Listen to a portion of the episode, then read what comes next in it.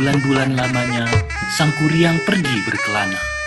Hingga suatu hari, dia tiba di suatu bukit tempat Dayang Sumbi tinggal. Sayangnya, ia tidak ingat apa-apa. Permisi, permisi. Ya. Siapa kamu? Ada perlu apa? Oh, ada orang. Perkenalkan, aku Jaka. Aku sedang berkelana dan tak sengaja tiba di tempat ini. Bolehkah aku beristirahat di sini? Sepertinya malam akan segera tiba. Ya, tentu saja. Kamu boleh beristirahat di sini. Biar ku ambilkan minum dulu ya untukmu. Terima kasih.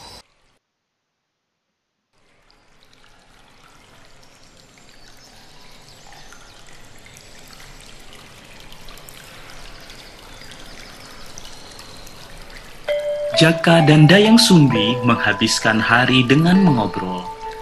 Dayang Sumbi mulai terpikat dengan ketampanan Jaka. Ia tidak tahu bahwa Jaka adalah anaknya Sang Kuryang. Begitupun dengan Jaka, ia tidak tahu bahwa Dayang Sumbi adalah ibunya.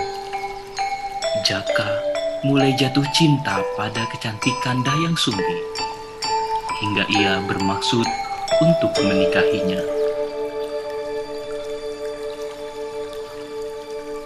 Dayang Sumbi, Ya? aku ingin menikahimu. Hah? Apa? Mengapa secepat itu? Ya, aku merasa kamulah wanita yang tepat untukku. Aku belum bisa menjawabnya sekarang, Jaka. Hmm, baiklah kalau begitu. Akan kutunggu jawabanmu saat aku pulang berburu nanti dari hutan.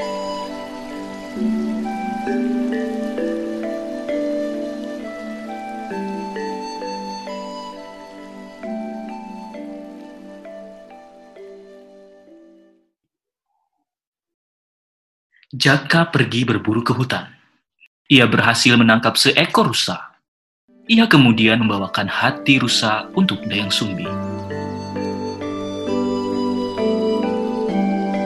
Dayang Sumbi, aku berhasil menangkap seekor rusa yang gemuk. Kubawakan hatinya untukmu. Aku yakin ini pasti lezat sekali. Hati rusa. Sungguh, ini adalah makanan kesukaanku. Terima kasih, Jaka. Kamu pasti sudah berburu keras hari ini. Rambutmu sampai berantakan. Sini, biar aku sisirkan untukmu. Dayang Sumbi kemudian menyisirkan rambut Jaka. Ia tiba-tiba melihat bekas luka pada pelipis Jaka. Hal itu membuatnya kaget hingga sisir yang dipegangnya pun terjatuh. Sang Kuryang, Sang Kuryang? Siapa itu Sang Kuryang? tidak salah lagi. Kamu pasti Sang Kuryang, anakku. Tidak mungkin. Dari dulu namaku adalah Jaka. Tidak, luka di pelipismu itu persis mirip Sang Kuryang. Kamu pasti Sang Kuryang. Tidak mungkin. Jika kamu adalah ibuku, pasti wajahmu sudah tua. Aku meminta kepada dewa agar wajahku tidak berubah tua. Dan dewa mengabulkan permintaan. Mustahil. Sudahlah ada yang sumbi. Jangan membuatku bingung. Aku benar-benar ingin menikahimu. Tapi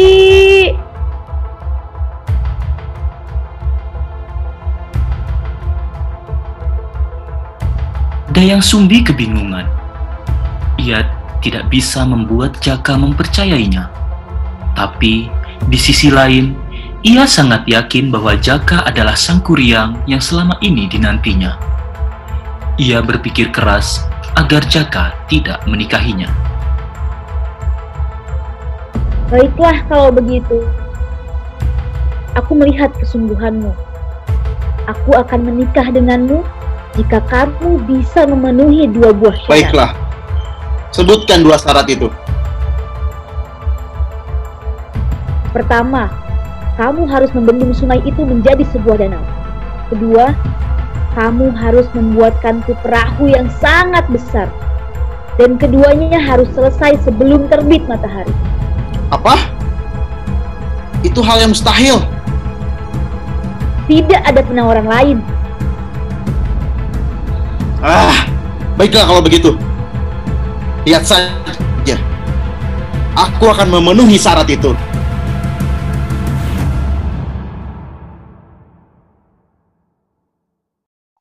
Sang Kuryang bergegas menuju sungai. Ia menyadari ia tidak akan bisa melakukannya sendiri.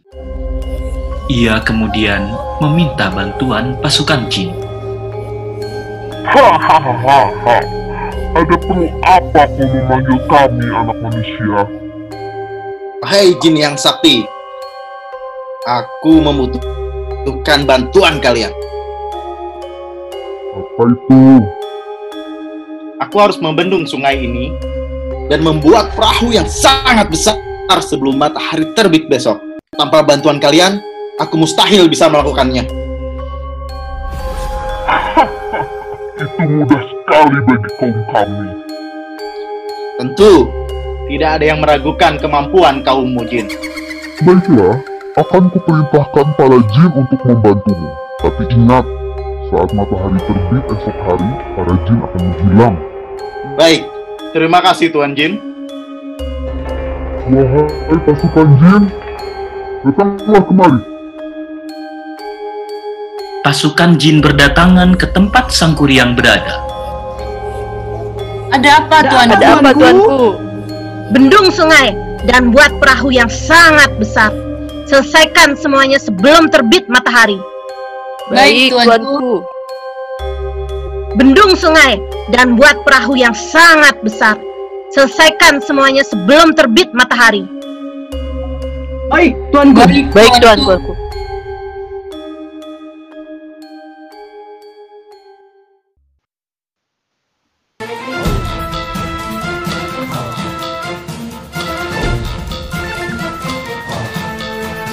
Sang Kuryang dibantu oleh pasukan jin.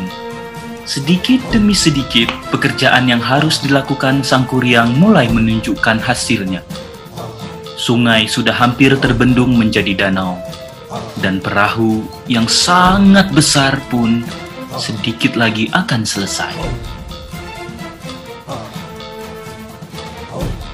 Dayang Sumbi mulai panik. Ia berpikir keras mencari cara menggagalkan pekerjaan Sang Kuryang yang dibantu oleh pasukan jin.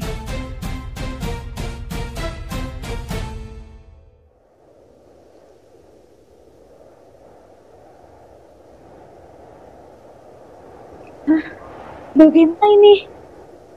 Jika ia bisa menyelesaikan danau dan perahu, aku harus benar-benar menikahinya. Ini tidak boleh terjadi. Tiba-tiba, sebuah suara seperti bisikan terdengar oleh Dayang Sumbi. Entah dari mana asalnya.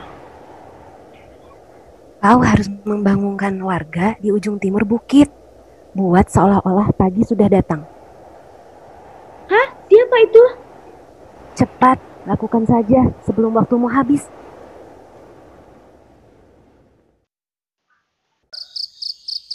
Tanpa berpikir panjang, Dayang Sumbi segera pergi ke perkampungan warga. Ia membangunkan semua warga yang masih asik tertidur. Permisi, tolong bangun. Ada apa Dayang Sumbi? Ini masih malam. Bisakah kalian membantuku membangunkan semua warga? Bangunkan pula ayam-ayam dan hewan peliharaan kalian. Lalu bentangkanlah kain putih sebanyak-banyaknya. Kau warga yang baik, Dayang Sumbi. Pasti ada alasan di balik semua ini. Kami akan segera membantumu. Terima kasih. Semua warga saling membangunkan. Malam itu, seluruh desa menjadi ramai, layaknya pagi hari. Bangun! Bangun! Bangun teh, teh Kang. Ah, Bu. Bangun. Iya, nah. Ah, Abah, bangun! Bangun. Ada apa ini? Bangun, teh. Warga bangun. Bangun! Warga bangun. Buat bangunkan ayam-ayammu. Kenapa ini? Mengapa ribut-ribut? Bangun. Bentangkan kain putih di luar rumah kalian. Cepat, cepat. Jago, cepat kau bangun. Ayah naon nih teh bu? Kenapa semua harus bangunkan? Eh, saya juga tidak tahu, Bu. Bahkan kita disuruh membentangkan kain putih. Kita lakukan saja lah, Bu. Ya udah teh. Hah? Iya ya, ya kenapa? Ayo, ayo, ayo, ayo. Cepat bangun bangun ayam ayam. Itu, hayam, hayam itu di kandang. Bangun. Seluruh perkampungan menjadi hidup. Ayam-ayam berkokok saling bersahutan. Kain-kain putih dibentangkan memantulkan cahaya ke atas langit. Dari jauh, ini seperti cahaya matahari terbit. Dayang Sumbi segera pergi ke tempat sang kuryang.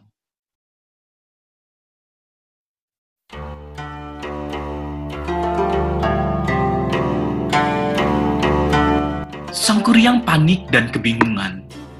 Ia tidak menyangka pagi datang secepat itu. Pekerjaannya hampir selesai, tapi pasukan jin satu persatu menghilang. Suara ayam pun samar-samar terdengar.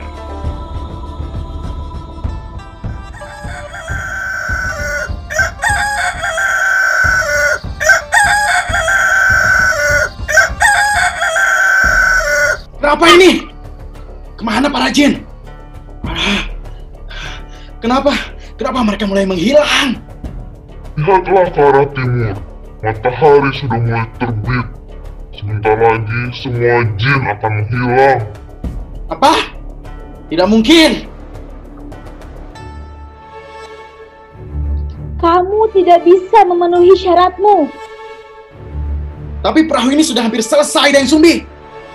Tetap saja, kamu tidak bisa menyelesaikannya. Kamu tidak bisa menikahiku. Apa kamu bilang? Tidak. Tidak! Karena marah, sang kuryang menendang perahu yang sudah hampir selesai itu. Perahu tersebut menjadi terbalik. Sejak saat itu, tidak ada yang mengetahui kelanjutan hidup sang kuryang dan dayang sumbi. Namun, perahu yang terbalik itu abadi. Orang-orang di tanah Parahyangan menyebutnya sebagai Gunung Tangkuban Perahu.